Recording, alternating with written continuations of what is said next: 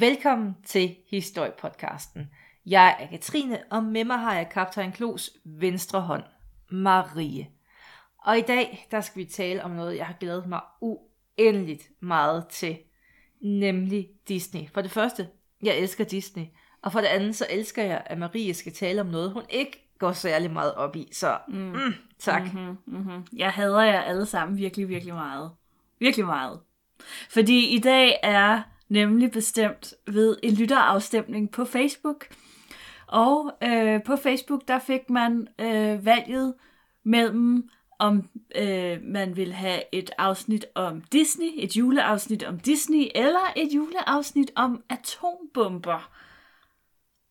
Ja, og øh, af en eller anden underlig årsag, så blev det altså Disney, der blev valgt. Og det synes jeg er mega irriterende, fordi, ja, ja, fordi jeg ser ikke, jeg ser ikke rigtig Disney-film. Jeg har heller ikke Disney+. Marie har aldrig været barn. jo, og jeg så Disney, da jeg var barn, men jeg har altså faktisk ikke rigtig set Disney siden, og slet ikke efter de holdt op med deres musical-film. Du ved godt, at Frost er en ting, ikke? Jo, men så er det bare, det er bare ikke det samme, som det var dengang. Det er for, det er for computeranimeret. Det er ikke tegnet nok. Det er ikke det samme. Det var bedre, da jeg var barn. Alt var bedre i gamle dage. Øh, heldigvis, der er der normale mennesker ude i verden, inklusiv mig, vil jeg lige tilføje. Og i det her skøre, skøre 2020, der er Disneys juleshow, det var jo et holdepunkt juleaften. Det var også det mest sete tv-program i år, naturligvis. Og siden 1967, der har vi i Danmark kunnet nyde den her fine, fine tradition i julen. Og igennem tiden, der har der været tv-folk, der har tænkt, hmm, måske skøjter Bambi nok i Disneys juleshow. Måske har de der mus sunget nok. Og så tænker de, skal vi prøve noget nyt? Og nationen har sådan kollektivt bare sagt nej. Og det er simpelthen så smukt, at vi holder fast i den her juletradition. Ja, øh, det, øh, ja det, det er fint nok. Det er fint nok. Øh, men øh, øh jeg må indrømme, at, øh, at jeg, jeg, jeg har set Bamse, Bam, Bamse. Jeg har set Bambi skøjte nok, det har jeg. Og hørt de der øh, mus på helium synge nok. Marie, Marie, Marie. Men i dag, der skal vi ikke kun tale om juleshowet. Vi skal faktisk tale om hele Disney. Og Marie, det bliver langt. Ja, det gør det. Normalt så arbejder vi jo med et manus, der er sådan mellem 8 og 10 sider. Det svarer nogenlunde til vores normale sådan længde, øh, også i forhold til, at vi, vi godt kan finde på at snakke lidt uden for manus en gang imellem. Øhm, men den her gang, der sidder jeg med, skal vi se en gang, 28 28 sider har jeg. Jeg ved ikke helt, hvad der er gået galt for Katrine, fordi skal vi bare sige det sådan, at det, det plejer måske at være mig, der sådan leverer de mest ordrige manuser. Øhm, Marie, skal jeg indrømme noget? Ja. Øh, de her 28 sider, ikke? Ja. Øhm, jeg har taget lidt sammen, hvis vi sådan skal gennemgå hele Disneys historie, og hvilket vi godt kan, fordi at jeg har jo sådan helt akademisk speciale i børnetv. Ja. Um, så tror jeg, at vi har cirka 200 siders manus. Vi har faktisk en bog, jeg har skrevet næsten jo. Gud. Um, jeg ved det godt, men altså, jeg prøver jo også at gunne efter den der Danmarks Disney-historiker titel. Ja, øh, men altså, hvis der sidder nogen fra forlagsbranchen derude og tænker, wow, en bog om Disney skrevet af Katrine Stemann, det vil vi gerne, så øh, ved I lige præcis, hvor I skal henvende jer. I ringer bare. Mm-hmm. Men øh, Marie, ja. vi skal ud på en lang rejse i dag. Det skal vi. Og jeg er ret sikker på, at efter den her altså fantastiske gennemgang, så kommer du over på Disney-siden igen. jeg skal... I dag... Ja, jeg vil bare sige, at jeg skal nok prøve. Jeg skal nok du er så god. Og i dag, der starter vi blødt ud.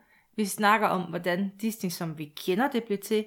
Vi skal tale lidt om den kære Walt og de første succeser. Vi skal tale om en verdenskrig. Vi skal tale om arbejdsstrækker. Der er det hele. Oh, altså, som du dog kan.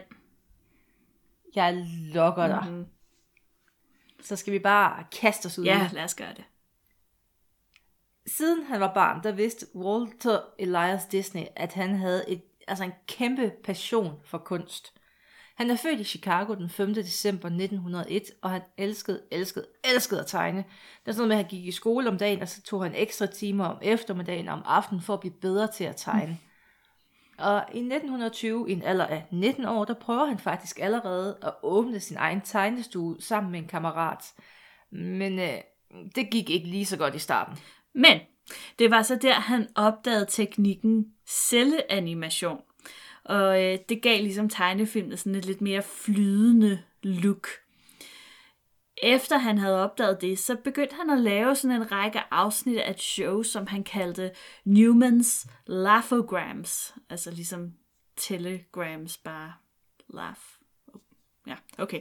Øhm, og hovedkarakteren, han hed Newman, og de små tegnefilm, det var ligesom, det var moderne genfortællinger af gamle eventyr.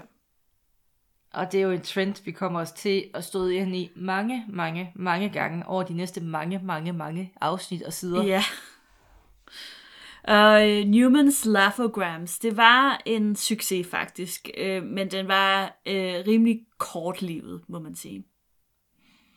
I 1923 der flytter unge Walt til Hollywood, hvor han sammen med sin bror Roy startede Disney Brothers Studios den 16. oktober. Her fortsætter de med at lave de her laughograms og noget, de kaldte Alice-historierne. Og de her Alice-historier, de var meget anderledes end de her laughograms, som var en mere klassisk tegnefilm. Alice-historien, de kombinerede nemlig live action, altså virkelige mennesker og tegnefilm. Mm. Og det er også en passion, som Walt han jager resten af livet. Altså de her, de var sådan en meget grov udgave af dem. Ja. Og hvis man kender Space Jam, så er det lidt det samme princip, Ja. hvor man har tegnefilm og rigtige mennesker sammen. Og for os, der sådan er endnu ældre, Roger Rabbit. Øh, Mary Poppins. Ja, okay, men jeg tror aldrig, jeg har set Mary Poppins, faktisk. Jeg vidste ikke, at der var tegnefilmselementer i Mary Poppins. Nå. øh, fire år senere, der opfandt Walt sin første tegnefilmstjerne, og han hed Oswald the Rabbit. Oswald, det var sådan, han var en, en okay succes, men et år senere, så blev Walt snydt af en producer fra Universal Pictures, som sådan set teknisk set ejede rettighederne til Oswald. Regel nummer et, læs altid det med småt. Øhm, og efter sådan lidt juridisk togtrækkeri, så stod Walt tilbage uden Oswald, øh, men også uden det meste af sit team, som var blevet tilknyttet projektet hos det nye studie. Walt og en lille gruppe af sådan meget trofaste venner fra projektet, de valgte derfor, at der skulle opfindes en ny figur, som kunne erstatte Oswald the Rabbit. Og på den her måde er der en vis mus, der kommer til verden. Maria? Mickey Mouse! Mickey Mouse. Ja. Ja. Ja. Og de første par film med Mickey, det var ikke så nogen stor succes. Men film nummer tre, der hed Steamboat Willie, den var en kæmpe succes. Og det er en sort film, hvor Mickey han sejler sin steamboat Ja. Ved navn Willie. Oho. Oho. Og det var forresten også Disneys første film med lyd. Og filmen, den fik også en ordentlig dispro- altså nogen, der kunne distribuere filmen, altså få udgivet filmen Ja. på en ordentlig måde. For ellers dengang, der var det sådan lidt, så solgte man det individuelt til biografer selv. Nå, okay. Og det var kæmpe altså arbejde, hvis man ikke havde nogen, der kunne gøre det sådan nogle mellemmænd. Ja. Og det sker, altså filmen den får sådan officielt premiere den 18. december 1928. Okay. Jeg kan godt se den for mig, tror jeg. Jeg tror, jeg har set den. Det er sådan, altså også fordi Mickey Mouse, han ser jo meget anderledes ud, end han gør i dag.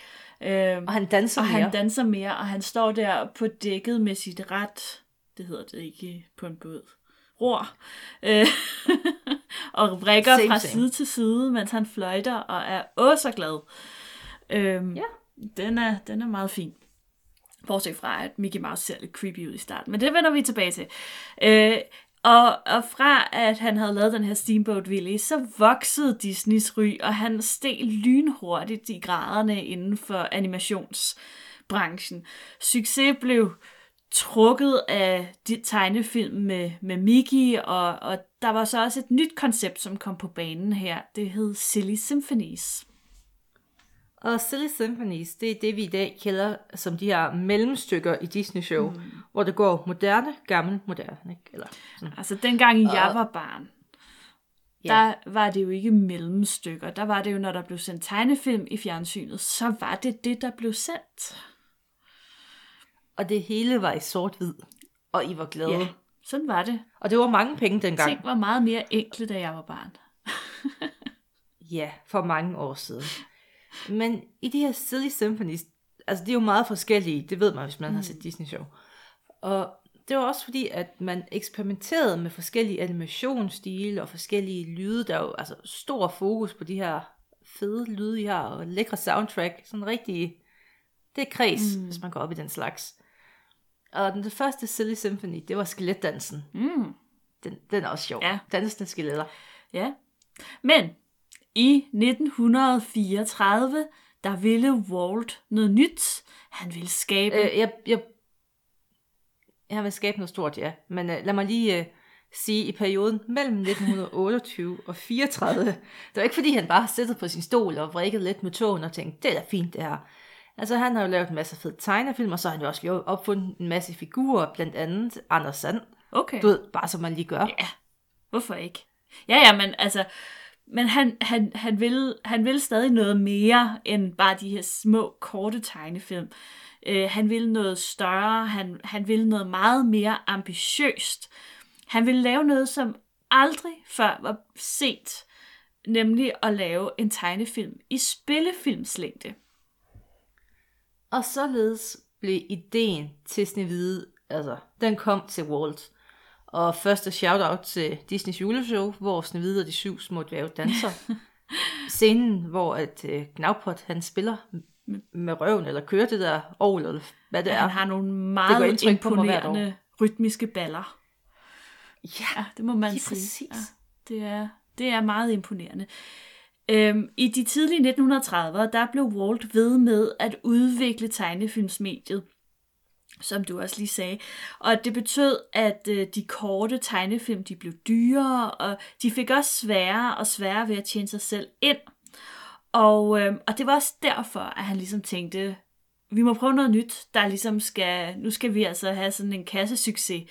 Øh, og derfor begyndte han også at lave den her rigtige film i fuld længde. Og på det her tidspunkt var det i USA fuldstændig uhørt. Og der har egentlig også kun været nogle få forsøg med det i Asien og i Europa. Mm-hmm. Fordi tegnefilm over 10 minutter, get out of here. Mm-hmm. Altså både pressen og hele filmindustrien gør grin med Walts idé. Men Walt han vil jo gøre alt for at føre det her snevide projekt ud i livet. Ja, og, og et af, af Walls mål med projektet var at få seeren til ligesom at, at relatere til øh, figurerne på sådan et følelsesmæssigt niveau. Så man skulle altså, ligesom man ser en film, ikke? Men det, det, er ikke, det er ikke meget, man ligesom connecter følelsesmæssigt med øh, Tom og Jerry, eller Anders Sand. Eller, Anders Sand. Altså andet end man kan blive virkelig sur på Anders Sand, fordi han er en klovn.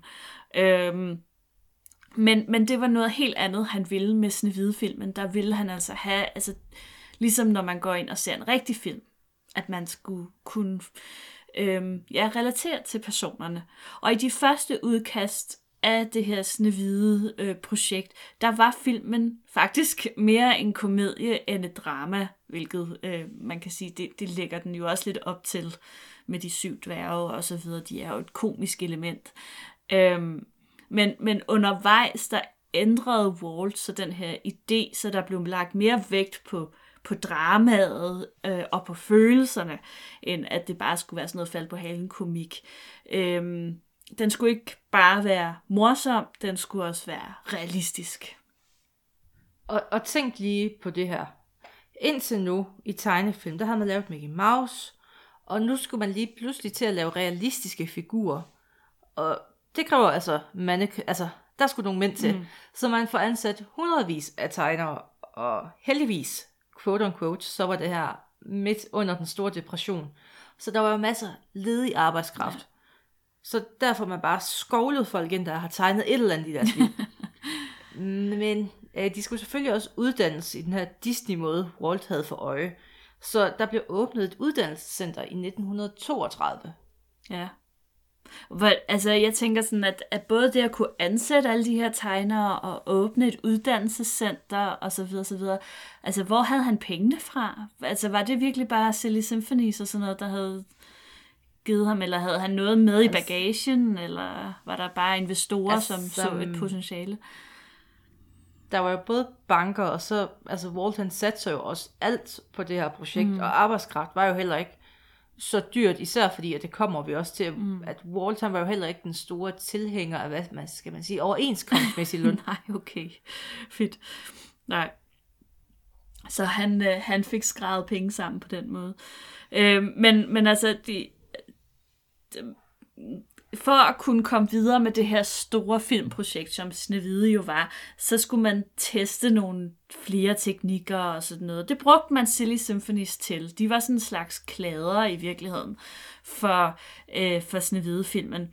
Øh, man testede blandt andet sådan nye farver og, og nye måder, figurerne kunne bevæge sig på, og også forskellige tegnestile. Ikke? Om, altså, der er jo lidt forskel på, når man ser en en tegnefilm med Pluto for eksempel, og så sammenligner den med, med Snehvide-filmen. Det, der er jo, der er jo, man kan godt se, at der har været noget udvikling i det. Øhm, der er en tegnefilm fra 1937, som hedder The Old Mill, og den er, den er et eksempel på os øh, på det her.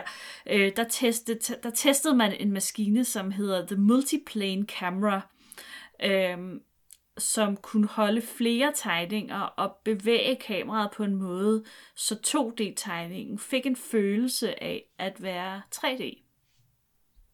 Ja, det var jo faktisk et ret ny og fed teknik. Ja. Fordi indtil da, der var tegnefilm meget flade. Mm. Og så på den her måde, så får man ligesom skabt en illusion om dybde. Og de kan bevæge sig i flere planer, mm. figurerne. Så det, det er meget spændende. Men øh, den største udfordring ved det her sådan hvide projekt, i hvert fald ud fra tegnemæssigt synspunkt, det var, at hun skulle jo bevæge sig realistisk. Og igen, der er jo langt fra Mickey Mouse og dansende blomster til realistiske, smukke prinsesser. Så derfor så skulle Disney endnu en gang have fat i Silver Symphonies og bruge dem som en prøveklud. Og i 1934, der laver man filmen The Goddess of Spring, og her laver man sådan en prototype på Snevide, i hvert fald en prinsesse, og lad mig sige det på den her måde. Der er langt fra prinsessen i Goddess of Spring, og den måde, hun danser rundt på til hvide. øh, der var stadig nogle kinks, der lige skulle ordnes, vil jeg ja. sige. Uden at... Og man får helt lyst til at se nogle af de der øh, prøvefilm, øh, tegnefilm, og se, hvordan Ind det på Disney Plus, Marie. Ligger de der alle sammen? Yep. øhm, så øh, der, der, skete, der skete et ret stort ryg i, i hvordan at øh, de her bevægelser de blev tegnet, da man øh, ansatte øh, Grim Network. Og det jo så også den ansvarlige for den moderne Betty Boop for Feinsmaker. og øh, her, øh, altså manden der fra, fra Grim Network, han kunne næle designet og bevægelserne for Snevide. Og det var, det var herfra, at, at både Snevide og dronningens figurer, kan man sige, virkelig begyndte at tage form. Men man var også nødt til at indgå visse kompromiser. Prinsen i fortællingen, han var faktisk tiltænkt en ret øh, stor rolle i det her. Mm, han skulle blandt andet være spadet inde i dronningens fangekælder og slippe fri, sådan en rimelig ekstravagant scene. Mm. Men øh, det var tidskrævende, og det var svært at animere, og derfor bliver det dyrt, så man tænkte, nej, nej, det er ikke alligevel. Prinsen han bliver bare en bifigur. Ja, han er virkelig en bifigur. Så du skulle få dyr. Ja. ja. Men, øh, men nok om realismen. Fordi i Snevide er der jo også mange elementer af fantasi og komik, og her tænker jeg jo selvfølgelig på dværgene. Øh, de er øh, meget karikerede og afspejler i langt højere grad de her gamle, i gåsøjne, tegnefilmstyder. Og i studiet, da man laver Snevide, der har man faktisk en sjov politik. Den hedder five bucks per gag.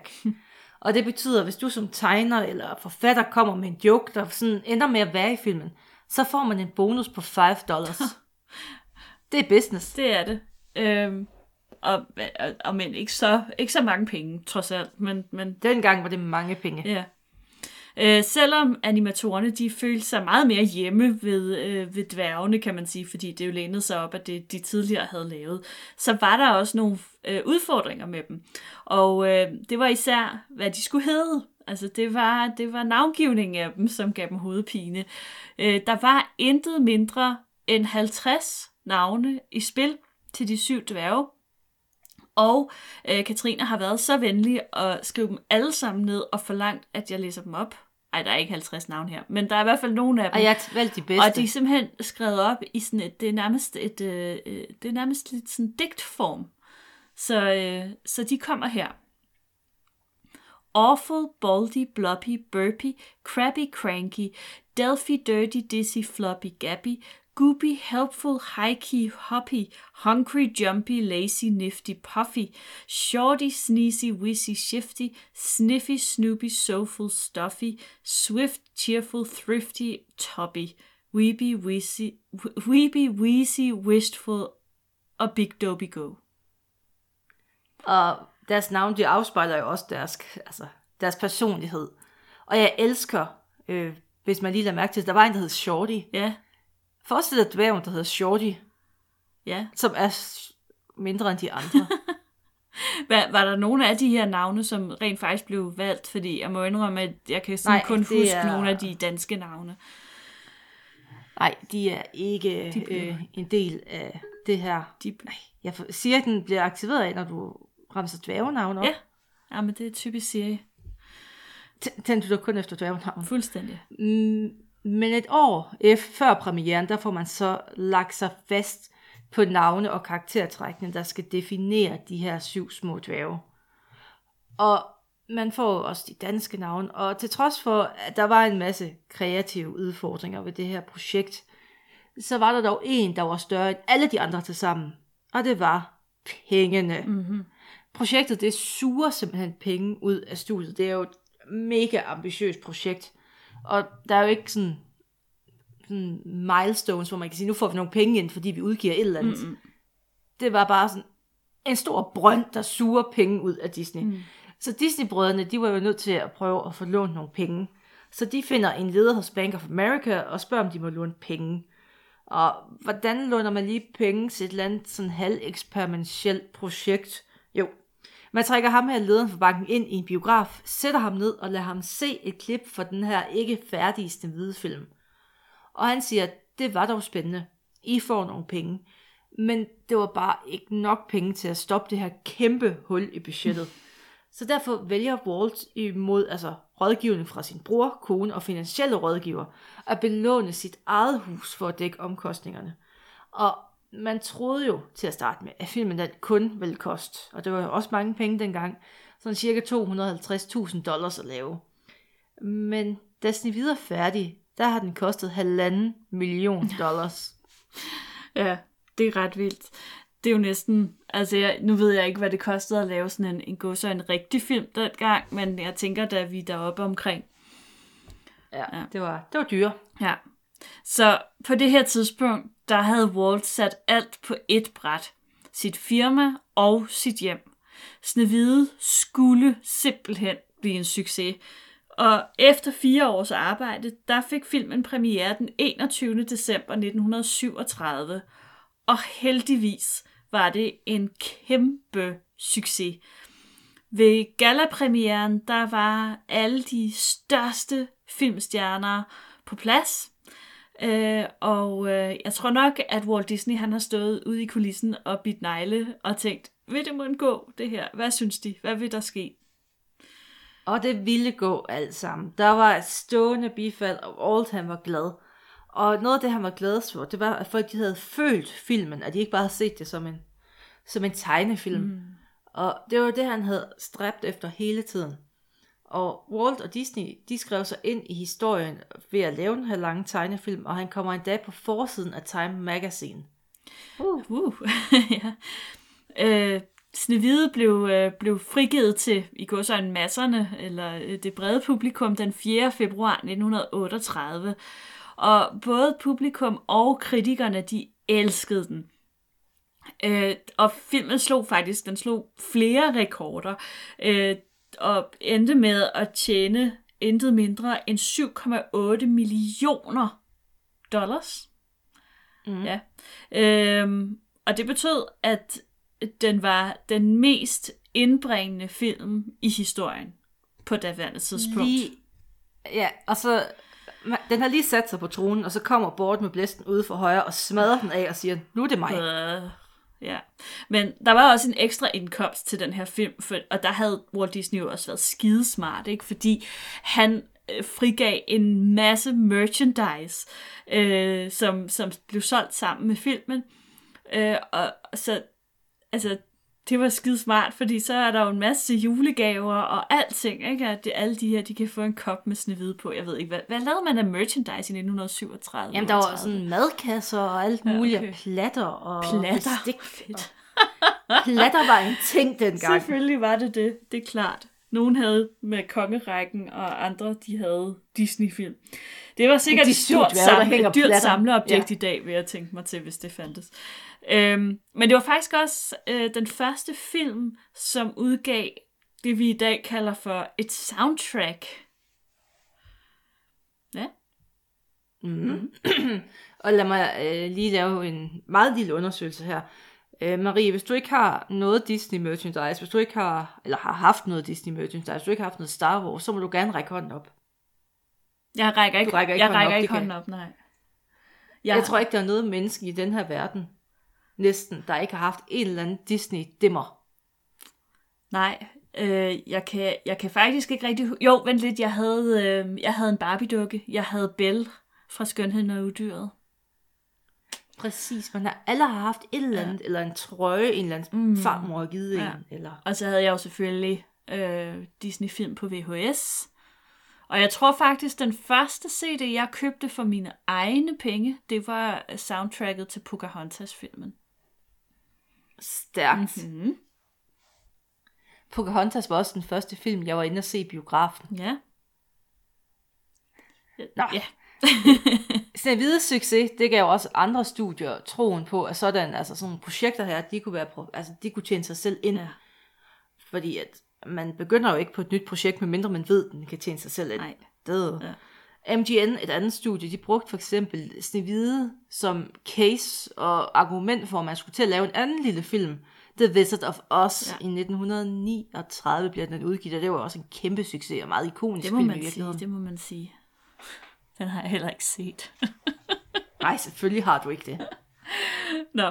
Øh, Snehvide var nomineret til en Oscar, faktisk, for det bedste soundtrack. Det hed noget andet dengang, men nu kalder vi det bare det for, for nemheds skyld.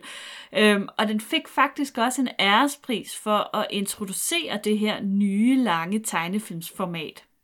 Og prisen, den blev øh, overragt af Shirley Temple, som jo var en øh, kæmpe stjerne på det her tidspunkt.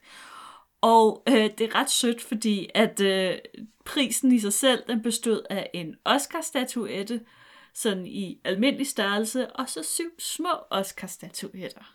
Åh, For til dværgene. ja, selvfølgelig.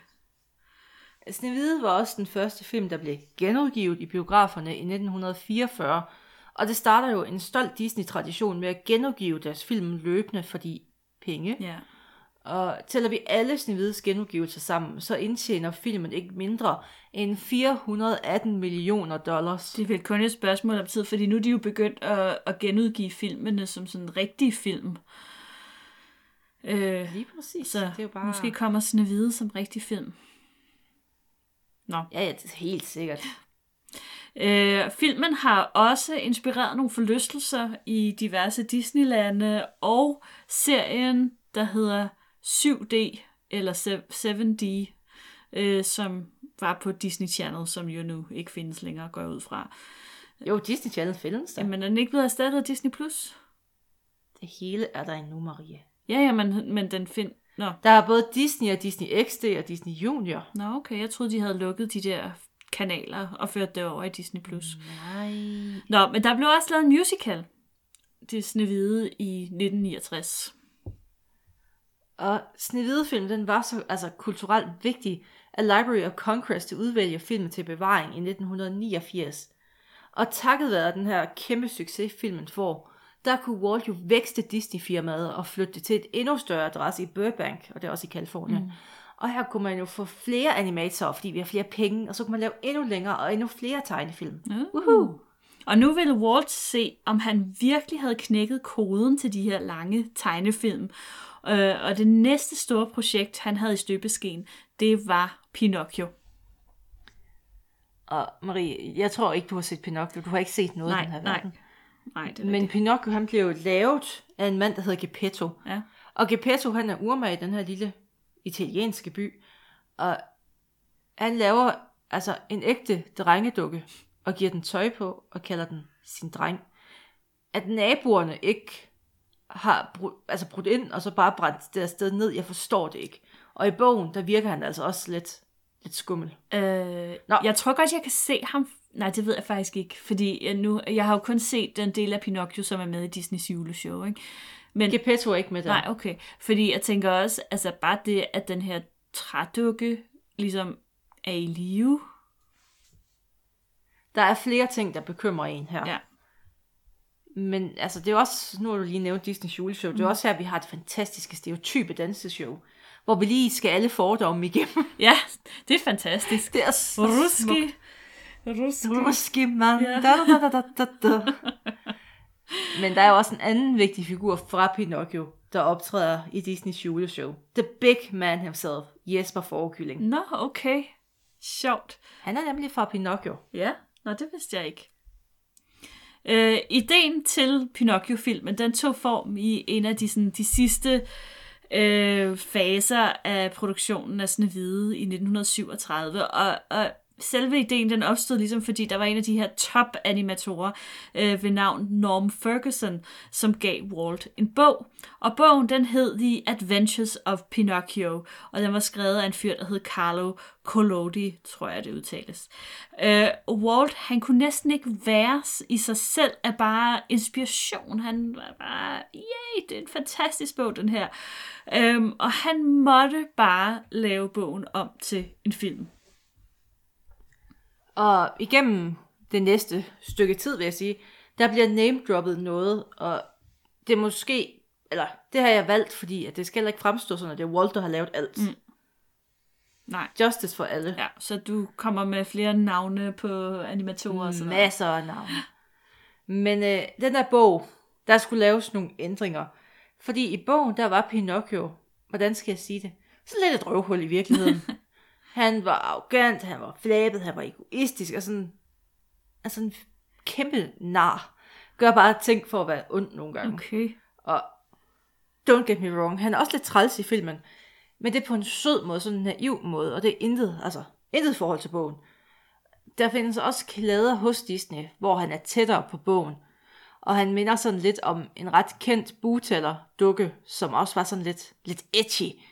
Men øh, man bestemmer sig til slut at gå i den her lidt mere naiv og barnlige nysgerrige retning. Fordi at Walt han kunne, han kunne ikke rigtig se, hvordan folk skulle connecte med Pinocchio, hvis han var træls. Nej, der er ikke nogen, der gider et trælst barn. Nej, Nej. nemlig. Mm. Altså, ved. Så, så der havde vi så hans, øh, hans personlighed.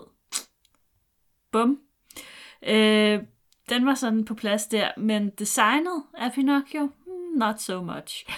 Øh, designet af Pinocchio var ret udfordrende, fordi hvordan får man en dukke øh, til at vise personlighed og følelser?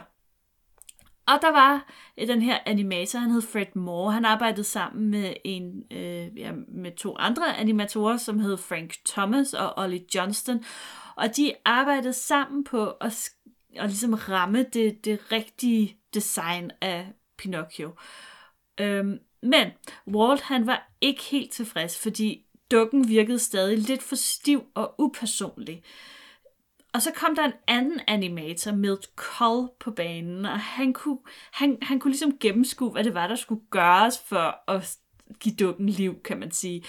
Øh, problemet var simpelthen, mente han, at øh, tegnerne de havde behandlet Pinocchio som en dukke, og ikke som en dreng. Folk, der har set filmen, de vil høre, hvor genialt skrevet den sidste del var. øh, man løsner så animation af Pinocchio mere op, og Walton bliver tilfreds, og projektet det kunne skride frem. men der manglede stadig et eller andet. Der manglede noget hjerte, mente Walt, mm. Walt, Walt i filmen. Og løsningen, det bliver Jesper Forkylling. Jesper Forkylling, han optræder også i bogen som øh, en lille bifigur. Og grunden til, at han kun er en lille bifigur i bogen, det er, fordi øh, han lever ikke så længe, fordi Pinocchio slår ham ihjel. Nej. Det gør man ikke i filmen. Der får han faktisk en rigtig vigtig rolle, og han fungerer som en fortæller, skråstreg Pinocchios samvittighed. Fordi Pinocchio skal jo lære at være en rigtig dreng. Mm. Og Walt han beslutter, at Kimball han skal være projektleder for Jesper Forkylling. Og han, Kimball han får den her lidt, fordi at Walt han har dårlig samvittighed. Og det er så tilbage fra Snevide filmen, fordi under Snevide havde Kimball brugt intet mindre end 8 måneder på at animere et musical-nummer, hvor dværgene de sidder og spiser suppe. Og Walt har så til allersidst cuttet den her scene, fordi han mente, den var lidt unødvendig. Så oh. tak for de 8 måneder, Kimball. Ja. Møs, møs. Nu får du Jesper Forkylling i stedet for. Lige præcis. I begyndelsen der var Jesper Forkylling virkelig en forkylling med Walt Disney, eller Walt øh, fik ham gjort sådan lidt mere menneskelig og, og lidt mere nuttet. Øh, det kan man så diskutere. Jeg synes stadig, han er lidt creepy. Nå, men, øh, men stemmen, den var jo også virkelig vigtig. Øh, og Pinocchio var den første film, hvor man brugte kendte mennesker til at lægge stemmer til. Og i, øh, i Danmark, der, øh, der blev det jo for eksempel øh, John Prise og Buster Larsen, der lagde stemmer til. Men animatoren, de var også på altså hårdt, hårdt arbejde. Fordi at filmen, den skulle være flottere og vildere end Snevide. Og de ville virkelig springe rammen for, hvad man kunne gøre, og de ville gøre filmen mere dynamisk og fylde den med detaljer. Og øh, fun fact til ja, Pinocchio-nørder og urnørder, i Geppettos værksted i starten, der ser man sådan en masse uger, der kører. Jeg var meget fascineret af den scene som barn. Og det findes i virkeligheden. Alle de her uger findes i virkeligheden. Fordi at tegnerne, de skulle have en fysisk reference at arbejde ud fra. Det var sådan for at sikre, at størrelsesforhold, de var de rigtige hver gang. Mm. Og derfor, der bliver der produceret i Disneys værksteder modeller i en til en af de her uger. Og det vil sige, at der et eller andet sted i verden findes et urmærværksted i en Disney-kasse, af de her uger. Fedt. Og min lille hjerne kan slet ikke holde til det, fordi jeg vil så gerne se det. Tror du ikke, at de er stillet op? Sådan, er der ikke sådan et Disney-museum eller sådan et eller andet? Det må der være. Sikkert, og jeg vil være inspektør der. Ja. øhm, effekterne i Pinocchio-filmen er, er mange rost som noget af det flotteste håndtegnede, øh, der nogensinde er set.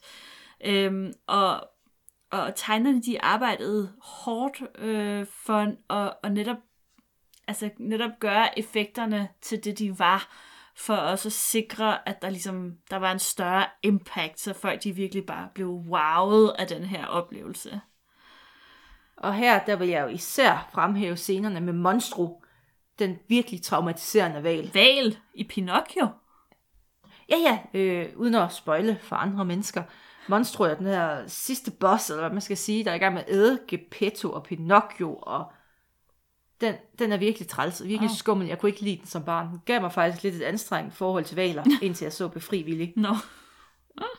Men den her scene, der er jo masser af vand, der flyver rundt, og det er jo håndtegnet det hele. Okay. Og da animatorerne ser filmen bagefter, så kunne de ikke rigtig forstå, hvordan de faktisk lykkedes med det her. Oh. Altså, det var... Det er så vildt, det var. De var styret af Guds hånd. Faktisk, ja. ja. Filmen den fik premiere den 23. februar 1940, og anmelderne de elskede den. Øh, og man snakkede faktisk også om på det tidspunkt, om den var bedre end Snevide-filmen. Men i kølvandet på den her meget anmelderroste premiere, så skete der noget ret uventet, og det var, at filmen den floppede totalt. Ja, den havde slet ikke samme kulturel impact, som Snevide havde haft. Og selvfølgelig så var der lige en anden verdenskrig, der også havde en finger med i spillet. Fordi det havde lukket det europæiske og asiatiske marked af, så man ligesom, der kunne man ikke tjene penge. Mm. Men øh, vi skal heller ikke undervurdere, at filmen den var mega dyr at producere. Man estimerer, at den kostede 2,3 millioner dollars at lave, uh. men den indtjener kun i første omgang sådan et sted mellem 1,4 og 1,9 millioner. Mm. Så allerede der, så har man jo et tab på op mod en million næsten. Ja. Men, men man kan sige, selvom den lige floppede sådan i samtiden, så øh, har eftertiden så været rimelig god for Pinocchio-filmen. I dag der er den anerkendt som en af Disneys bedste film.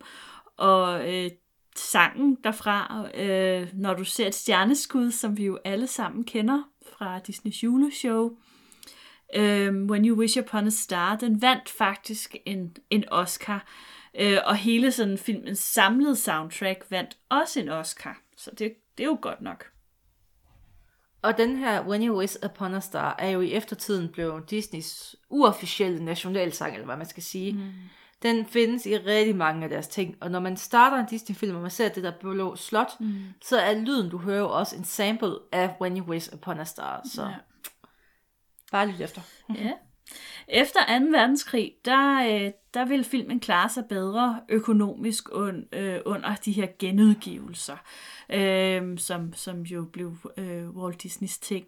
Og den endte også med at indtjene 84 millioner dollars, så man kan sige, den, den tjente sig selv ind på sigt.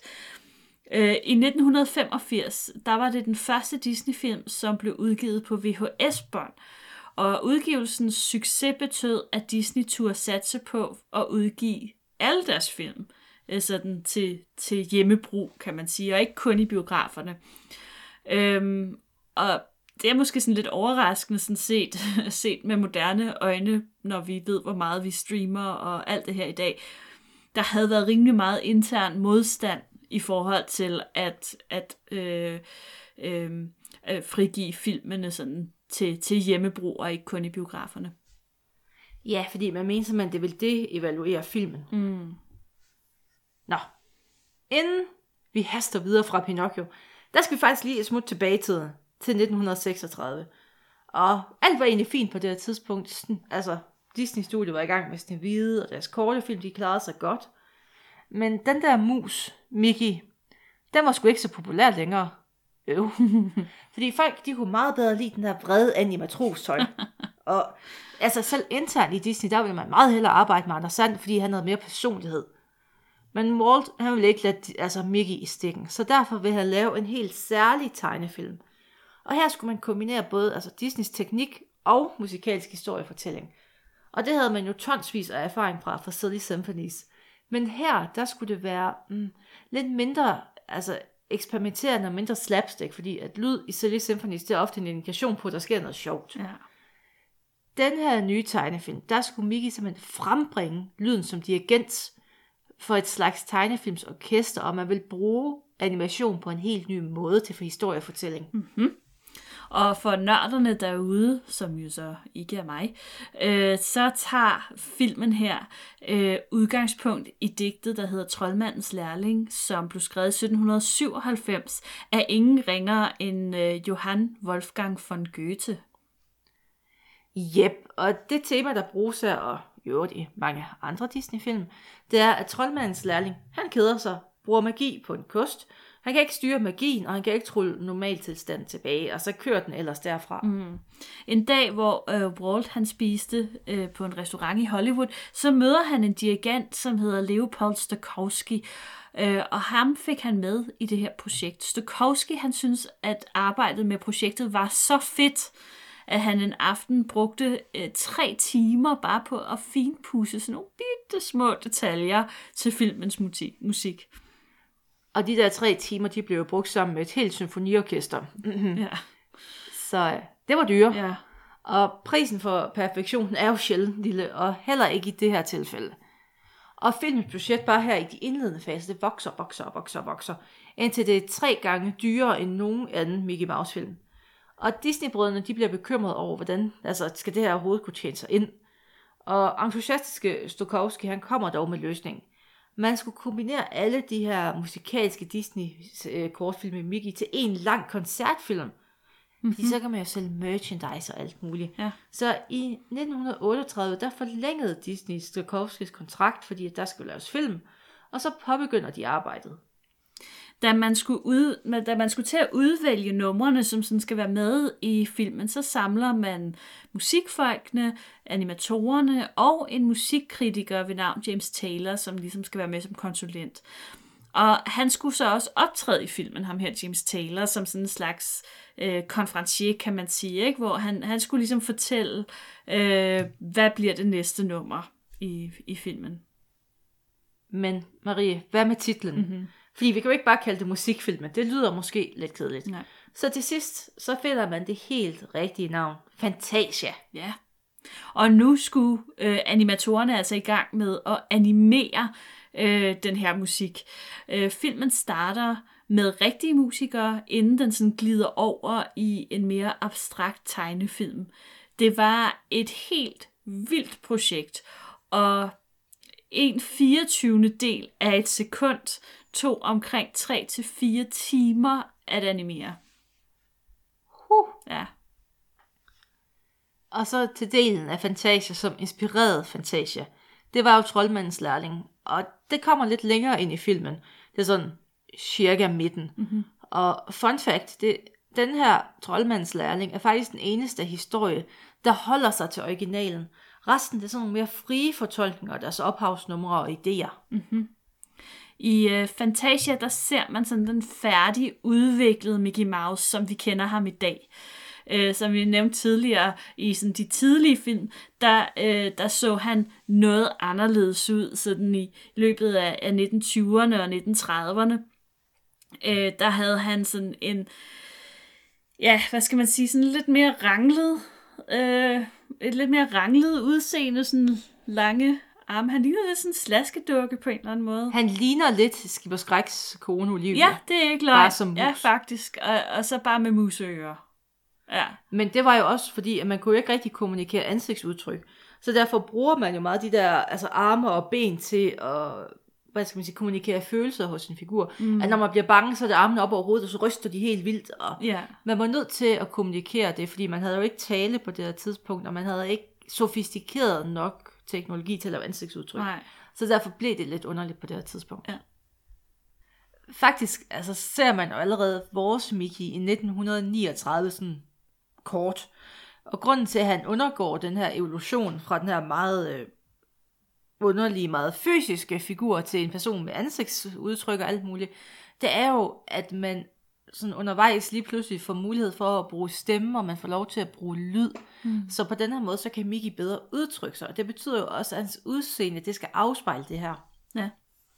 Troldmanden i Fantasia, det er en karakter, øh, karikatur hedder det, på øh, Walt Disney. Og så den lidt øh, høhø on the nose. Øh, der fik han navnet Jensit. Ja. Det, det er Disney skrevet bagfra. Hvis der er nogen, der var i tvivl.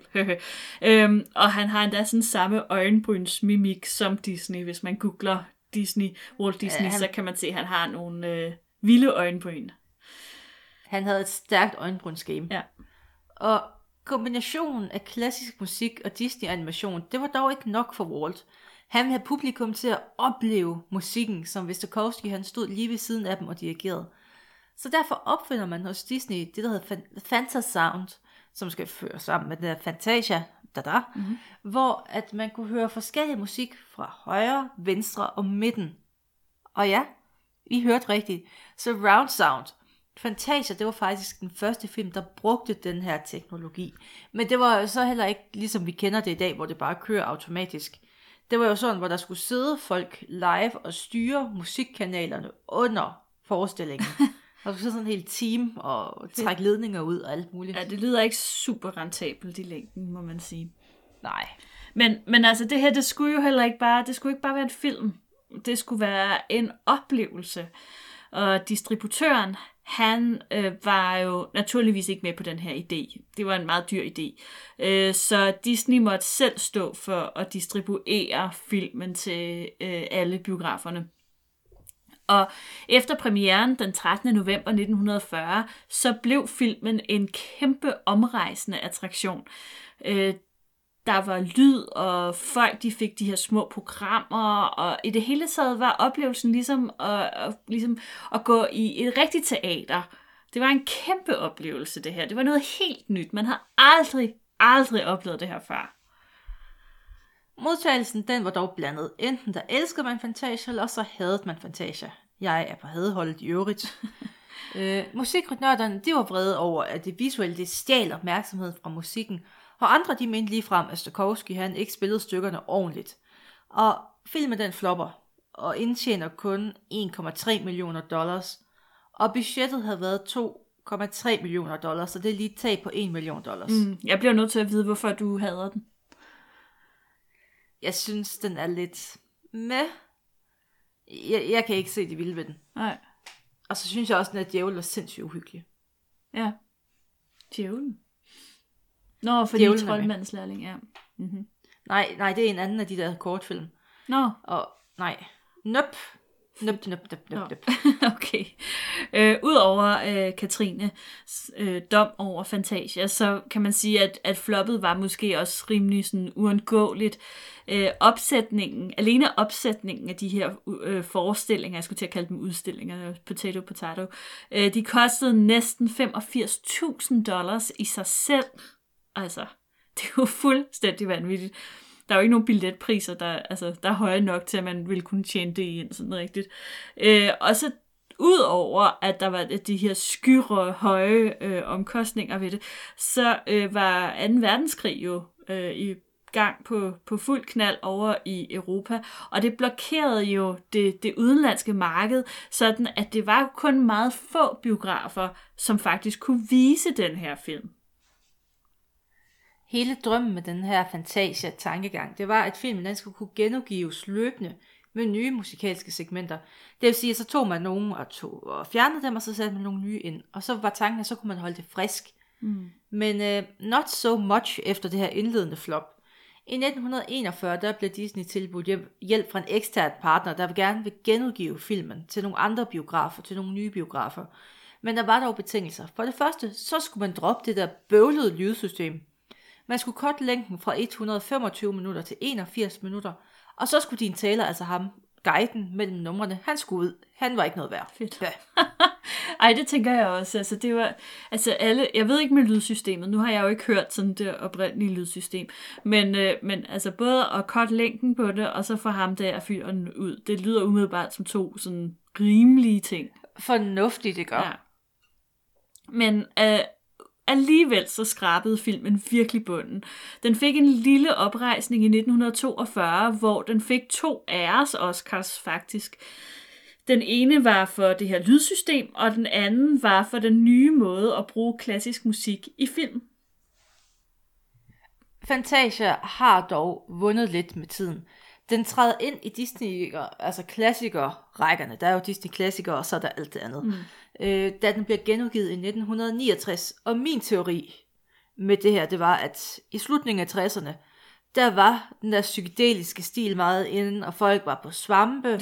og så tror jeg måske bare, det hele det gik op i en højere enhed. Ja, så for... For jeg tror virkelig, man skal være på noget for at nyde Fantasia fuldt ud. Okay. Altså, jeg, jeg, har jo, jeg får jo næsten lyst til at se øh, Fantasia med den hårde dom, du, du giver den. Øh, og jeg plejer jo at være fuldstændig øh, Omvendt, af mig. omvendt af dig, ja, så det kan være, at jeg, jeg elsker den. Please do. Du må godt låne med Disney+. Plus. det kan være, at jeg skal gøre det. I, uh, I 2000, der blev Fantasia faktisk ud, genudgivet på DVD som en del af The Fantasia Anthology, hvor Disney prøvede at genskabe sådan den helt originale 181 minutter lange film. Og det var så inklusiv surround sound. Øhm, desværre så var ham her Dean Taylors lyd, altså ham her guiden, øh, lyd øh, gået tabt i den her genskabelse. Så man blev ligesom nødt til at snyde lidt og genindtale den. Dog, så synes jeg, lige meget hvor meget jeg hader Fantasia, så synes jeg, der skal gives et shout-out til Mickey i den her film. Fordi i den her film, der optræder Mickey i sådan semi ikonisk outfit. Mm. Ja, jeg, jeg siger faktisk, nej, ikonisk, ja. det får den lov Ja, til. ja. Den her røde kåbe og den blå troldmandshat, ja. som jo er et ikonisk look for Mickey. Ja, Det er der, det kommer frem første gang. ja. Og ikonisk, sådan, ja, troldmands look generelt, kan man sige. Ja, ja. ja. jamen altså, det er bare Mickey. Ja. Så man kan sige, på det her tidspunkt, der havde de to sidste film, både Fantasia og Pinocchio, øh, været kommercielle flops. Øh, og øh, Walt, det så lidt sort ud for Disney på det her tidspunkt. Altså nu måtte han jo lægge hjernen i blød for at genopfinde, eller for at opfinde den næste store succes, der kunne skabe overskud med det samme. Han havde virkelig brug for noget øh, indkomst nu. Og resultatet var en lille film, som hedder Dumbo. Og det er jo historien om den flyvende elefant. Og Walt han fik ideen til filmen i den sidste halvdel af 1939. Det var åbenbart et år, hvor han fik mange idéer. Ja. Hvor en af Disneys ansatte, der var chef for marketing, han viser Walt en prototyp på et stykke legetøj, som der skulle bruges til merchandise. Og det hedder en rollerbook, eller sådan en rullebog, mm. hvor man sådan, i stedet for at bladre, så rullede man siderne op, så man kunne læse dem løbende, så det ligesom var glidende. Og i prototypen, der var der en, en historie om den her lille elefant, der hed Dumbo. Historien den er oprigtig, eller oprindeligt skrevet af en Helen Aberson og en Harold Pearl. Og Ward han ser et kæmpe potentiale i den her historie om den søde lille elefant. Og han beslutter sig for, at historien den skal animeres. Mm-hmm. Oprindeligt så var det tanken, at Dumbo bare skulle være sådan en silly symphony, men Walt han følte, at, at historien den kunne godt udfoldes øh, og, og ja, gøres til en, en film i fuld længde. Et ekstra plus ved den øh, forholdsvis simple film betød også, at den ville være billigere at lave end for eksempel Pinocchio og Fantasia. Og Joe Grant og Dick Humor, og sådan udtales det Dick og staves det, Humor. øh, ja, bliver sat til at lave en adoption af den her film. Og i processen, der bliver der ændret lidt på tingene, og der bliver tilføjet nye elementer. For eksempel, øh, så var der originalt en rødkælk, der skulle hjælpe Dumbo på sin rejse. Men den her rødkælk, den følte man, den var sådan lidt, lidt kedelig, så den blev erstattet med en mus, Timothy. Og en note til forfatteren, de giver faktisk kun Walt sådan et kapitel ad gangen. Normalt så afleverer man et helt manuskript og siger, vurder det, ja eller nej. Mm-hmm. Men de giver kun Walt et kapitel, og, han, og det betyder jo så også, altså det, hvis man har skrevet noget nogensinde, så ved man, at det er lidt skørt at gøre det på den her måde. Ja. Men taktikken for forfatteren, det var at afslutte hver kapitel med en, sådan en følelsesmæssig cliffhanger, så Walt han blev ved med at godkende arbejdet bare for at komme videre og altså, finde ud af, hvad der er sket. Mm-hmm. Sjovt. Um, fun fact, i øvrigt. I den engelske version af Dumbo, der er det en, uh, en Sterling Holloway, der spiller storken. Han dukker op i rigtig mange senere uh, Disney-film. Uh, den voksne udgave af Blomst fra Bambi. Peter Plys. Stinkdyret. Nå, hvad, en gang til. Stinkdyret? Øh, blomst, det er stinkdyret. Nå, okay. Sjovt. Nå, øh, Peter Plys, øh, Kar fra Junglebogen og Roquefort, går ud fra, Rochefort sikkert, mm. fra Aristocats. Verna Felton er stemmen til den lidt trælse elefant i Dumbo, men optræder senere som fæk gudmor i Askepot og Hjerter Dame fra Alice i Eventyrland. Så der var ligesom sådan et cast, der... Øh, et fast cast, kan man næsten sige. Ja, jamen, altså, hvis man kender talenterne. Mm-hmm. En sjov ting ved Dumbo var, at Walt den her gang, han var ikke sådan rigtig drevet af en kunstnerisk vision. Fordi i de andre film, der havde det jo været meget, det skulle være større, det skulle være vildere, det skulle være flottere. Han skulle tjene nogle penge hurtigt ved Dumbo. Mm-hmm. Og det betød, at der blev opfundet nogle, nogle smutveje for animatorerne, så man kunne bibeholde en rimelig høj Disney-standard, men stadig gøre tingene hurtigere og billigere. Og man brugte stadig rigtig Øh, man brugte stadig rigtig dyr som inspiration, plus at man også benyttede live-action optagelser som reference. Blandt andet øh, så brugte man The Jackson Brothers, altså ikke, ikke Jackson 5, øh, men nogle andre Jackson Brothers, som reference til kravernes dans, til, øh, jeg tror, jeg så en elefant flyve musical-nummeret. Og faktisk, der går den her produktion strygende. Man holder sig til manus, og man holder sig til planen, og det hele kører bare. Lige indtil det ikke gjorde det mere. Og det kan vi pinpointe til en meget bestemt dag, den 29. maj 1941, da animatorerne de gik i strække. Og lige lidt kontekst til den her strække. Siden man flyttede til Burbank efter succesen, øh, øh Snevide succesen, der havde stemningen ændret sig lidt hos Disney. Man var ikke rigtig en startup længere. Og folk i toppen, de havde gradvist fået flere privilegier, de havde fået løn, de havde fået bedre kontorer, de havde fået indflydelse. Men desværre, så kom det ikke rigtig de andre til gode. Så efter de her to, altså man stod jo også, og de sidste to film, de har været fiaskoer. Mm. Og det gjorde bare arbejdsforholdene endnu værre, og der var mere pres på. Og alt, altså for at sige det pænt, det var sådan lidt pisse dårligt, med mindre du sad i toppen. Mm-hmm. Og så var der også nogle ulogiske fyringer, og det var sådan lidt øh, bare sådan det virkede meget random. Og Art Babbitt, der var en af top-animatorerne, han var ikke tilfreds med de her forhold. Så han melder sig ind i en fagforening, der hedder Screen Cartoonist Guild. Uha, Uh, uha. puha. det var ikke noget, Walter Nej. kunne lide. Og her, der forlangte han, at Disney Studios skulle have en overenskomst. Ren kommunisme. Øh, øh, det øh, ville Walt overhovedet ikke høre tale om. Og så udbrød der nærmest en krig i det her tegnestudie, hvor animatorerne gik i strejke. Øh, de stod uden for studiet med meget kreative skilte, man er vel kunstner hos Disney, og krævede deres ret. Situationen var så vild, at Leon Schlesinger, Schlesinger Schlesinger? fra Nå. no. Warner Bros. Warner, Warner Bros. det lyder til Brothers. Ja, jeg ved det godt. Det blev bare sådan lidt øh, gangsteragtigt. AKA, er meget gangster. Disneys konkurrent, øh, de gik simpelthen ind og tog animatorernes side i konflikten. Og Walt og Art Babbys forhold, det var iskoldt. Det var, ikke, det var ikke godt til at starte med, men det blev bare, altså, det blev meget værd. Altså, de blev jo nærmest ærkefjender. Mm. Og de kom jo op og slås under en af demonstrationerne, hvor Walt kommer kørende. Og så kom de kommer bare, op- altså fysisk op og slås. Men altså, og naturligvis kommer der jo, der, eller jeg vil sige naturligvis, men der kom faktisk noget kunstnerisk ud af, af sådan en konflikt der. Øhm, animatorerne, de arbejdede, øh, de animatorer, animatorer, som stadig arbejdede, de lavede en scene i Dumbo, hvor cirkusklovnene slår sig sammen om at kræve en lønforhøjelse fra cirkusbossen. Uh, snedigt. Og efter en lille måned med konflikt, der blev der tegnet en overenskomst. Men skaden var ligesom sket, fordi man gik fra at være en ret stor animationsvirksomhed med 1200 ansatte, til at være en virksomhed, hvor folk faktisk ikke har lyst til at arbejde og søger væk fra. Mm. Og det er jo folk som Babbitt, Maurice Noble, Bill uh, Mandela's friend Tassalin, uh, Bill Taylor og Taris Wong. Og det er jo altså insane talent, man mister på den måde. Mm-hmm. Og hvor flygtede de? Gik de så til Warner Brothers eller sådan? til alle andre steder, og det er jo sådan nogle, der kommer ud og arbejder med Looney Tunes og Tom og Jerry Ja, ja, og alt ja. det her.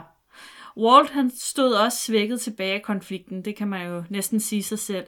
På bagkant af Pinocchio og Fantasias flop, og så den her konflikt med animatorerne, der mistede han simpelthen troen på sine animatorer.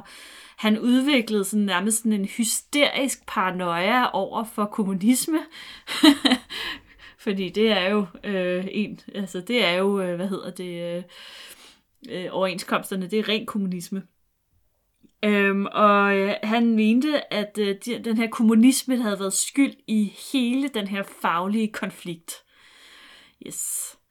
Øhm, og i den her periode, der bliver han også sådan lidt, øhm, ja, sjov, skal vi kalde det det? I gåsøjne. Meget kraftige gåsøjne.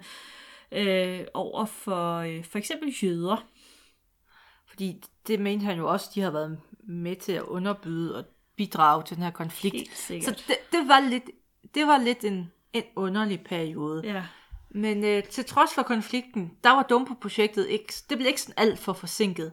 Og filmen den fik premiere den 31. oktober 1941. Og det viste sig simpelthen at være den succes, som Disney havde manglet. Hmm. Omkostningerne, de havde været lave, som sagt. Det var lå imellem sådan 850 og 950.000 dollars. Men den indtjener i, altså ved første premiere 1,3 millioner dollars, så Fedt. money. Og det vil sige, at Disney siden, altså første gang siden Snevide faktisk tjente penge på en film i første biografcyklus. Hmm. Og, og den her gang, der elskede publikum og anmelderne øh, filmen. Igen vandt den en, øh, en Oscar for sit soundtrack. Det er sjovt, fordi jeg kan ikke komme i tanke om nogen sange fra Dumbo-filmen. Altså, den har jeg så heller aldrig set. Men, men alligevel... Nå, men så kan du nok heller ikke komme i Nej, men altså, du ved, Der der, er er jo der en- masser af Disney-film, hvor at man så kender en af sangene, fordi man Altså, der er jo den med kraverne, og der er den, jeg de så, sådan er i udødelige og bliver spillet i andre og- sammenhænge. Men lige Dumbo-filmen mindes jeg ikke, at jeg nogensinde har hørt noget om. Øhm, der var også en snak om, at uh, Dumbo skulle på forsiden af Times Magazine og kåres som årets pattedyr. cool.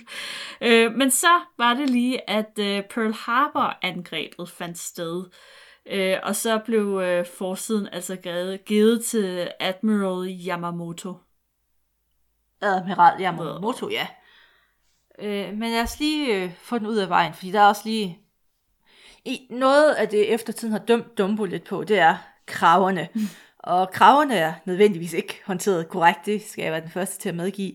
Og måske man ikke skulle have lavet hvide mennesker lægge stemme til lederkraven, og måske man altså allerede i 41 skulle vide bedre end at kalde lederkraven fucking Jim Crow, som en reference til Jim Crow-lovene, som er noget af det værste nogensinde. Så Den tror jeg lige, du bliver nødt til at forklare lidt nemmere, lidt nærmere. Øh, ja, øh, jamen, altså i eftertiden, der har kraverne jo blevet altså, nærmest et symbol på racisme, og hvis du starter Disney Plus og ser Dumbo, så får du også en besked om, at det man ser i den film, det er jo ikke, det afspejler ikke Disney i dag, det var en anden tid. Okay. Og det er jo simpelthen fordi, at de der kraver, de, øh, de kan godt tolkes som karikaturer på sorte. Okay. Og de er sådan lidt gangster, og de, de danser lidt meget, og, og så hedder førerkraven Jim Crow. Og hvem er Jim Du Crow? ved. Jim Crow-lovene. Ja, det ved jeg ikke noget om. Nå, det var jo de love, der var med til at sørge for segregation og alt Okay. sådan noget. Spændende. Så det var lidt on the nose, kan man sige. Ja, okay. Ja, nej, det var ikke super heldigt. det Nej, må man men- sige. Der er også folk, der siger, at det ikke er galt, fordi der er jo faktisk også, altså, de der Jackson-brødre, der var med til at være live, altså, være reference til kraven, ja. de var jo sorte, og det, altså, det, der er to sider af den sag, men jeg vil sige, måske ikke helt okay, men det var en anden tid. Altså, hvis, hvis Disney selv går frem og siger det, når man starter afspilningen af filmen, Ja, ja. så, så er der jo nok noget om snakken. Altså, og, Lige og præcis, hvis, man skal ikke fornægte historien. Nej, og, og hvad hedder han? øh, Du har, vi har jo allerede sagt, at, at uh, Walt Disney fik måske nogle lidt sådan spøjse idéer på det her tidspunkt. Så Men ikke over sådan rigtig for sorte, det var mere kommunister og jøder. ja, men altså, Stadig. ja, ja. Man, kan, man tager hele, hele paletten, når man først er kommet over i den grøft der, tror jeg. Øh, men altså, Dumbo øh, har faktisk også haft en live-action-serie. Øhm, og nej, her øh, tænker jeg, vi er ikke på øh, Tim Burton-filmen. Men øh, Dumbo havde faktisk en, di- en dukkeserie på Disney Channel i 1985, som hed Dumbos Cirkus. Ja, det er ret vildt. Og det er en vild serie, og jeg vil gerne have, hvis I har tid, så gå ind og se det på YouTube, for det er insane. Det, det er nok det bedste, jeg kan sige om det. Okay. Øh, og altså generelt, jo mindre vi siger om de her live remakes, desto bedre. Mm. Øh, Dumbo havde kun taget halvandet år at lave, hvilket i sig selv er ret beundringsværdigt. Og det er jo alt sammen, altså der kan vi sige tak til den her nye, lidt simple animationsstil. Det er jo stadig en flot film, men den er lidt mindre øh, ekstravagant end for eksempel Pinocchio. Mm. Den næste Disney-film, det skulle dog være det diametralt modsatte. Den var kompleks og tog studiet flere år at færdiggøre. Og se Marie, vandet er stift, for vi skal tale om Bambi. Oh, Bambi. Ja, Ja, jeg skal lige høre en ekstra ting. De her live remakes, ja. som du nævner, er det også de her nye film, der for eksempel er kommet? Det er nemlig de nye Okay. film med rigtige mennesker. Ja, og det sådan synes jeg også. Og jo uskik. mindre vi siger dem, Ja. desto bedre. Jamen, dem holder vi helt uden for det her. Bambi, derimod, vil vi gerne snakke om. Øh, den er baseret på bogen Bambi, A Life in the Woods, som var fra 1923 og skrevet af Felix Alton. I 1933 der læste en visionær producer bogen og fik inspiration til at lave filmen. Og øhm, kan I gætte, monstro, hvem denne visionære producer var? Du, du, du, du, du. Ja, det var nemlig Sidney Franklin fra MGM. Der laver vi lige en lille snyder. Øh, Franklin, han vil lave en live-action udgave af bogen. Allerede dengang synes man jo, det var spændende at prøve. Mm. Med rigtige dyr. Han opdagede dog, at rigtige hjorte, de skulle ikke så nogen, der har sådan de vilde følelser at vise. det er sgu så lidt svært at lave en film med en hjort, der føler. Ja. og live action, det var nok ikke det bedste medie til at fortælle historien om Bambi Nej. med. Nej, så undskyld, jeg tog lige en kop, en, en tår, tår at drikke. Øh, så fik Frankly en i, idé. Øh, der var jo nogen i Hollywood, der tidligere havde haft stor succes med at tegne realistiske dyr, og så lade dem fortælle en historie. Og det var jo ingen ringere end Disney. Så i 1937, der holdt Franklin og Walt et møde, hvor Franklin solgte øh, rettighederne til filmen til Walt Disney. Og Walt han var tosset med ideen. Faktisk var han så vild med ideen, at han egentlig ville have gjort Bambi til sin anden film i stedet for Pinocchio. Men altså, det sker jo nogle gange, man har en god idé, og så kigger man lidt på den lidt dybere og finder ud af, hvad det egentlig kræver. Mm. Og det gjorde man også med projekt Bambi, og man måtte indse, at der var visse udfordringer med det her projekt. Først og fremmest så var tonen i bogen ret mørk. Det er det jo også fra en tid, hvor kaninbjerget og sådan noget, det var ting, og det er, det er mørke tider. Og tegnerne, de var ikke i så god træning til at tegne dyr. Og i Snevide, der er jo godt nok dyr, men øh, fokus på realismen, den ligger hos menneskene. Mm. Og så var der jo også de andre store projekter, man jonglerede med på det her tidspunkt. Så Bambi, den blev sådan skubbet lidt i baggrunden. Ja. Men øh, produktionen af Bambi, den begyndte så sådan for alvor i 1939, og i starten der sneglede projektet sig afsted, fordi studiet brugte energien på, på de andre store projekter, som vi, som vi jo har talt om. Og ligesom med Snevide, der har man i starten en meget stor rolleliste, som sådan man ved, man skal korte fra. Stampe kaninen for eksempel, den har i bogen en far, der spiller en stor rolle. Stampes søskende spiller også en større rolle. Der skulle have været en komisk duo bestående af et æren og et jordæren. Øh, de dukker faktisk kort op i filmen, men de siger ikke rigtig noget.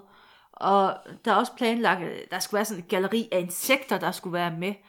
Og det hele, det bliver så også gået ind til benet, fordi Walt han ser den her rolleliste og tænker, ah, det er jo lidt svært at holde fokus på det her, når vi har 37.000 dyr og Bambi. Mm.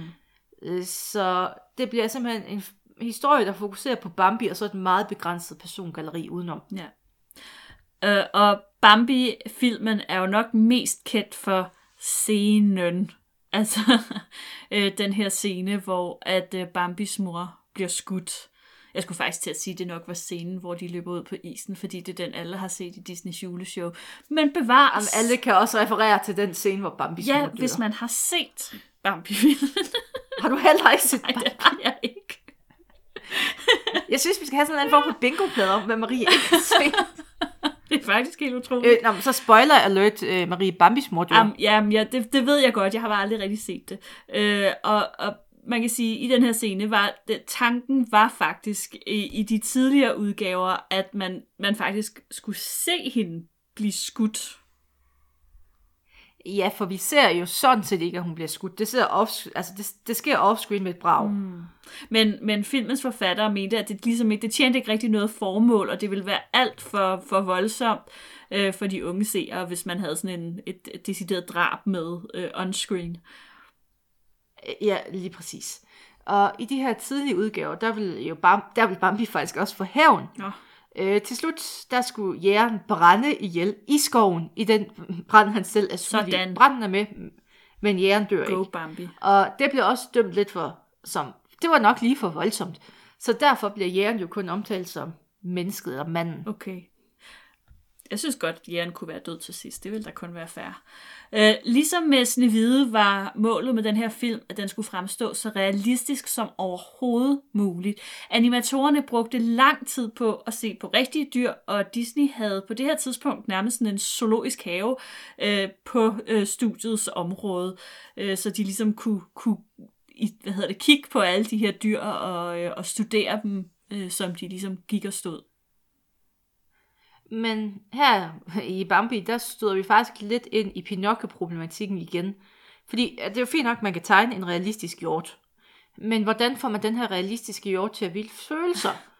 Animatoren Mark Davis, han havde faktisk svaret. Fordi han tegner et udkast til Bambi, hvor han tager udgangspunkt i en baby, og hvordan den viser altså følelser og mimik. Og så lægger han nærmest sådan altså så får han Mel Cohn, der også var animator på det her, til at kombinere sine idéer med hans øh, anatomisk korrekte hjorte. Og på den her måde, så får man sådan en baby-hjort-hybrid, som bliver Bambi. Det lyder faktisk rimelig creepy. det er det også. Men altså virkelig, altså det er baby, baby og, Ja, men det er det, det er, Maria. Ja. Baggrunden... I kan aldrig se på Bambi igen normalt. Nej, aldrig nogensinde. Øh, baggrundene i Bambi er lavet på en lidt anden måde også. De behøvede sådan set ikke at se, se virkelige ud. De skulle bare føles virkelige. Og det er også derfor, at baggrundene i Bambu har sådan et lidt mere impressionistisk I hvad? touch. Hvad siger du? I, du sagde Bambo. Nå, jeg mente Bambi. Bambo. Bambo. Bambo. Det er et bedre fint. navn, egentlig. Og et mere impressionistisk touch. Man skal, altså, man skal se for sig sådan, altså ligesom, øh, hvad hedder han ham der øh, med åkanderne? Monet. Monet. Ja, Claude Monet. Claude Monet. Sådan var, var baggrundene ligesom tænkt i Bambi, ikke? Øh, og, og det kan vi takke art director Tyrus Wong for. Det var altså en af Det dem, Tyrus som jo Wong. faktisk forsvandt senere. Og Tyrus Wong, han var faktisk ret sej, for han var jo faktisk ikke hvid amerikaner.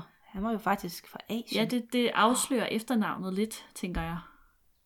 ja men det var bare lige sådan, øh, det var også en ret fed historie. Mhm. Øh, Bambi, den havde premiere den 21. august 1942. Men øh, det var faktisk ikke den store succes, hverken kommercielt eller hos anmelderne. Mange anmeldere, de manglede simpelthen den der Disney-magi. Og så var der også sådan et kæmpe backlash, fordi jægere i hele Amerika, de var vrede over, at de følte, altså, de følte sig demoniseret af filmen. Altså, det, vi ved jo godt, hvem den onde i filmen er, det er jægeren. Ja. Og filmen den ender kun med at indtjene 1,64 millioner, hvilket betød, at der var et tab på ca. 400.000 dollars. Jesus Maren. Øh, Bambi var derudover også påvirket af 2. verdenskrig. Øh, fordi på det her tidspunkt, så var USA gået ind i krigen, og det påvirkede jo også folkestemningen. Og man havde, man havde sgu ikke rigtig lyst til at se på realistiske dyr. Altså, man havde ikke lyst til at se på sådan en lidt sørgelig film om en babyhjort og en, hans mor, der dør, osv. Man ville se glade film. Og Bambi ender dog med, efter mange genudgivelser, at indtjene 267 millioner. Øh, det er en anerkendt klassiker i dag, og, og alle, bortset fra Marie, kender scenen, hvor Bambis mor dør. Og der er også, hvor Bambi skal lære at skøjte. Den kender og jeg godt. Bambi og hans... Og øh, fun fact, øh, Bambi og hans mor er jo faktisk med i en Anders Sand short. What? Ja, der er en tegnefilm fra 1955, hvor Bambi og hans mor optræder kortvej. Anders Sand, han vil være jæger, og så står Anders Sand i sådan en lang kø for at blive jæger. Og så er der en eller anden speak med, der er dyr i skoven, og så står Bambi og hans mor og drikker, og så er der alt muligt affald i den der øh, flod, og så siger Bambis mor, øh, her er mennesker, her gider vi ikke at være. Og Ja. Nå, fedt. ja, det var bare lige sådan en, Bambi-fact. Nå. Øh, Bambi var også kortvarig maskot for skovtjenesten i USA, og var også med i flere kampagner vedrørende naturbeskyttelse. Men Disney, han sådan i godsøjne lånte øh, kun Bambi ud i sådan et år, så måtte de ikke det mere. Og, og fun fact, øh, så da Skovtjenesten de har fundet ud af, at Bambi havde været sådan en kæmpe succes, øh, og så Disney har sagt, ikke længere, nu er han vores igen, så var det, at Skovtjenesten opfandt uh, Smokey the Bear, som er lidt en, et ikon over i USA, Ja. ja. sådan at det, only you can prevent forest fires og sådan noget. Okay. Og den blev opfundet, fordi de ikke måtte have Bambi længere. Nå, hvor sjovt. Og sidst, men bestemt ikke mindst, i Fun Fact øh, regi, der er Bambi Walts egen yndlingsfilm. Nå. Ja. Ja. Og det var jo alt sammen godt nok. Men øh, det ændrer jo ikke særlig meget på, at, øh, at Bambi jo altså også var et flop. Øhm, og man led under, som sagt, de her, altså krigen i resten af verden, og de lukkede markeder i Asien og Europa, og ja, også det, at USA jo var gået ind i krigen, og, og så, øh, ja, så gik Disney også i krig, sådan bogstaveligt talt. Nemlig. Altså, de havde faktisk allerede været en del af krigen siden 1941, hvor Walt under produktionen af Dumbo sammen med 18 andre bliver sendt på en goodwill-tur til Sydamerika. Og det sker faktisk af US State Department. Mm-hmm. Og det var sådan en kæmpe amerikansk charmeoffensiv på de her egne. Fordi man kan jo ikke rigtig have, at man i Sydamerika, hvis man, de nu lige pludselig fik en eller anden idé om at diskutere at være nazister eller kommunister, Nej, for søren. det vil være problematisk. Så derfor går man på sådan en charmeoffensiv på de kanter. Og Disney synes jo heller ikke, det var en dårlig idé. Fordi at Disneys popularitet, det stiger på de her kanter. Øh, win-win. Ja. Og Walt, han var jo nok heller ikke ked af en pause for de her strækker, der foregik under Dumbo-produktionen. Nej. Og det var faktisk bare rart at komme ned til de varmere himmelstrøg, tror Ja. jeg. Og på turen, der samlede tegnerne også inspiration til nye film, der ville tage udgangspunkt i den sydamerikanske kultur. Og helt kynisk, så kunne det her, altså, det kunne jo godt tælle som en del af den her Goodwill-operation, at man tegner de her nye sydamerikanske tegnefilm. Og hvis ens tegnefilm kunne puttes ind under den her paraply, der hed Goodwill-operationen, så betød det, at den amerikanske stat ville betale de her tegnefilm. Mm. Og det var jo rart, når ens film, sidste film, de floppede, så er det rart, at staten lige går ind og støtter lidt ja. op. Øh, og som resultat af den her tur, så, øh, så fik vi øh, Saludos Amigos fra 1942 og The Three Caballeros fra 1944. Bedre kendt som den med Anders Sand og papegøjerne. og efter afslutningen af det her Bambi-projekt, der blev studiet omdannet til en militærbase, der husede 500 soldater. Og nogle af studiets egne ansatte, de blev også sendt i krig. Hmm. Og banker, de havde jo ikke alverdens med penge under krigen. Så studiet, de kunne kun producere kortfilm, fordi de kunne ikke låne penge til store film. Hmm. Så det var kortfilm, kortfilm, kortfilm. Og alle de større projekter, de bliver simpelthen sat på pause under krigen. Ja, og stort set alt materiale, som Disney han udgav, det var simpelthen til øh, og for militæret.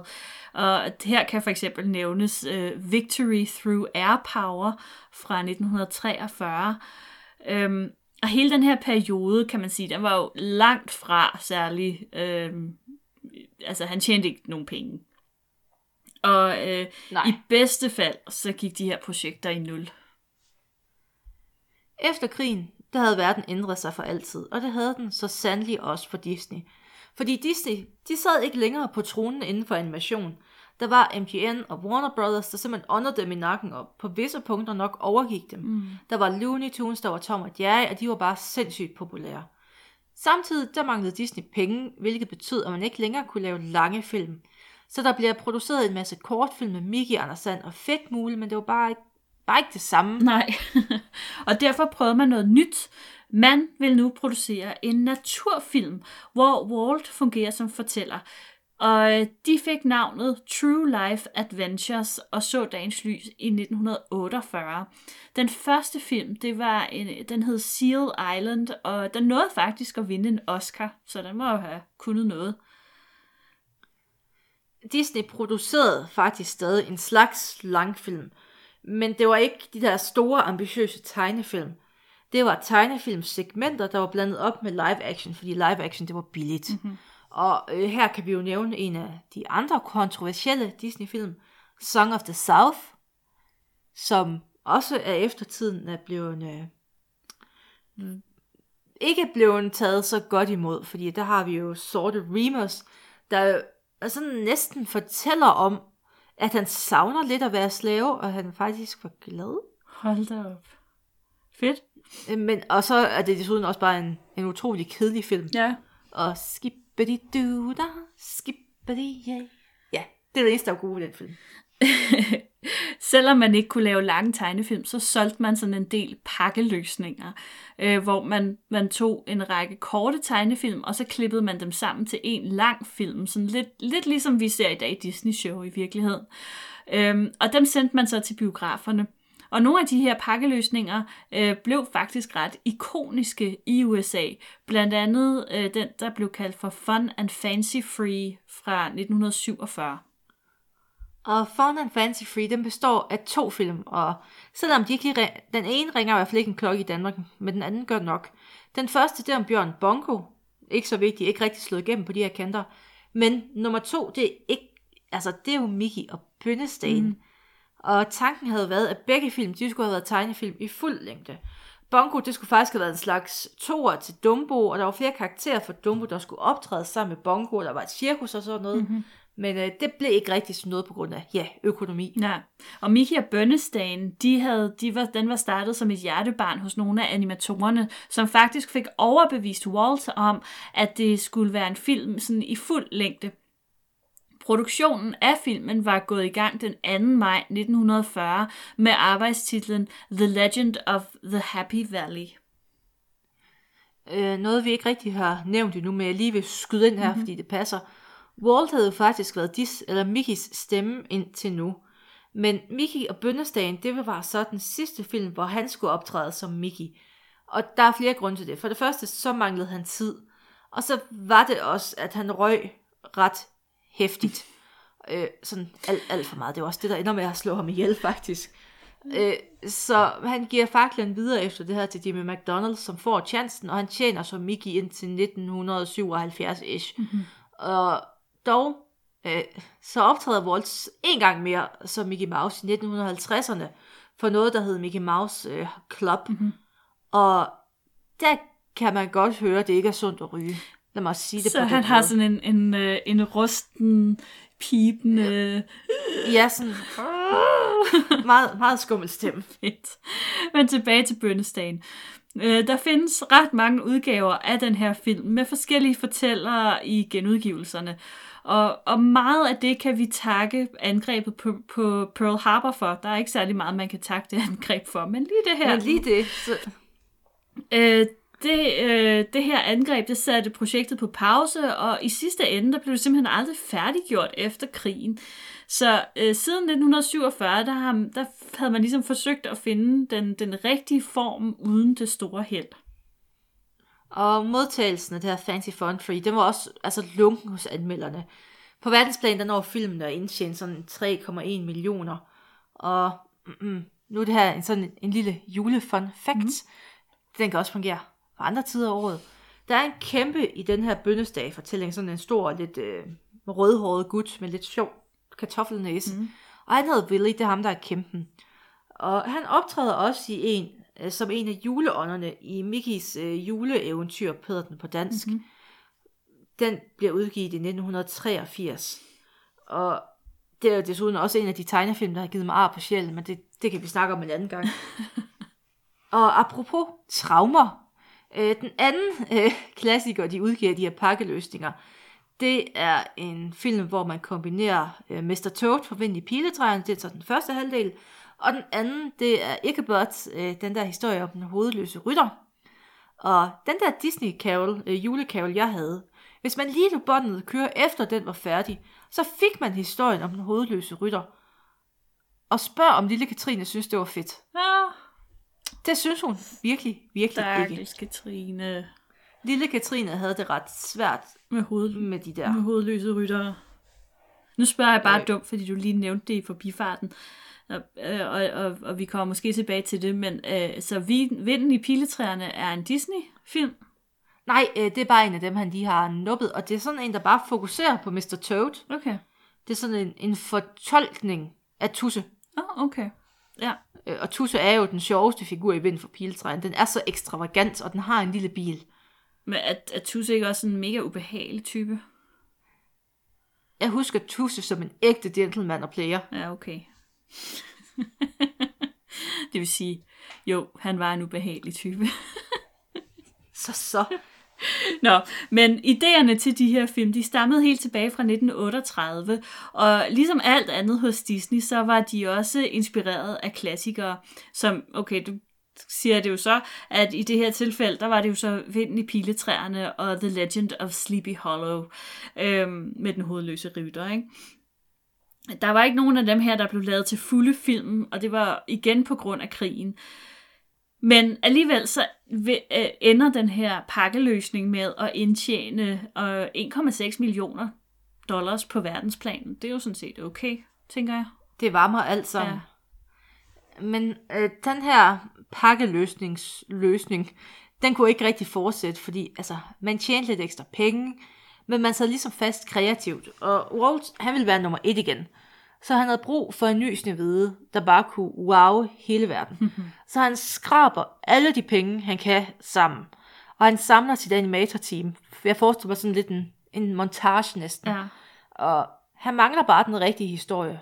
Og med de ord, så runder vi del 1 af. Og lad mig sige det på den her måde. Måske passer skoen næste gang. Uh, spændende.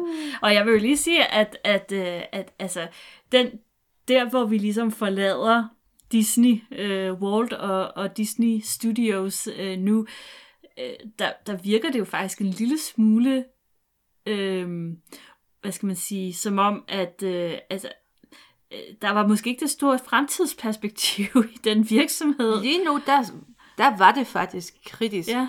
Og der kommer flere gange, nu vil jeg ikke spoile de næste, vi er jo sådan set kun bevæget os 10-ish år frem i tiden Ja. her.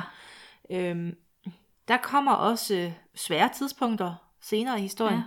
Som sagt, øh, så har vi masser af materiale. Ja. Der kommer masser af Disney-historie. Og gild dig, Marie. Mm. Det vil jeg gøre. Ja, og med de ord, tak fordi I lyttede Ja, med. og vi skal og godt ja, nytår. rigtig godt nytår, og vi håber, at øh, 2021 bliver et meget bedre år end 2020. Det har været et godt år. 2020 har været så fint. Det har bare været lidt udfordrende. Ja, det har været godt for historiepodcasten. Øh, og så har det været dårligt for alle andre. Og derfor kan jeg jo ikke være vred. Men vi håber stadig, at 2021 bliver et fantastisk år. Det kan næsten kun blive bedre på rigtig mange områder. Så øhm, ja, med de ord, tak fordi I har lyttet med. Vi ses i det nye år. Bye.